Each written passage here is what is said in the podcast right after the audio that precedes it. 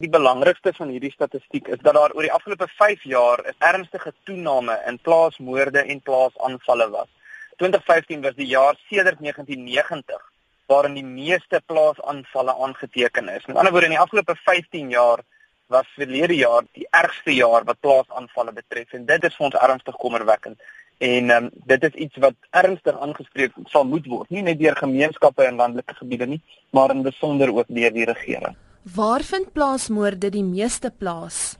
Wel ons vind plaasmoorde vind breedweg meer gereeld plaas in die provinsies wat meer in die, in die noorde van die land is. Dit is maar tot 'n mate in al die provinsies, maar byvoorbeeld Limpopo provinsie is was die provinsie verlede jaar met die meeste plaasaanvalle, Mpumalanga net kort daarna en dan die Vrystaat en die Noord-Kaap het ook maar sy plaasaanvalle en plaasmoorde, maar dis die provinsie wat die minste hiervan wel sien. Hoe voel julle oor die stelling van die waarnemende polisiekommissaris luitenant-generaal Gomotso Paglane dat plaasmoorde groter prioriteit gaan geniet? Ons verwelkom die stelling. Ons dink dit is baie goeie nuus. Ons dink dit is 'n stap in die regte rigting. Die stelling self beteken egter nie dat die krisis opgelos is nie. Dit beteken slegs dat daar 'n erkenning is dat daar wel 'n krisis bestaan. En ons sal graag met die polisie wil saamwerk om om hierdie situasie aan te spreek.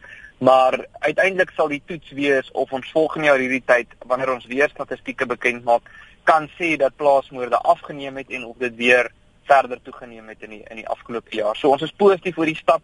Dit beteken nie vir ons dat die stryd alreeds gewen is nie. En wat is julle verwagting vir 2016? Wel, as die afgelope 5 jaar enige aanduiding is en as hierdie tendens voortgaan, gaan 2016 nog 'n gevaarlike jaar wees vir boere. In hierdie verband sal Afriforum sy veldtog vir die prioritisering van plaasmoorde ernstig verskerp en Afriforum sal ook voortgaan met die stigting van veiligheidsnetwerke reg oor die land sodat mense meer betrokke kan raak by hul eie veiligheid. Wat ons sê, ons kan nie net wag vir die regering om in te gryp terwyl mense aangeval en vermoor word nie. Ons moet self iets doen. Ons moet self betrokke raak by die oplossing.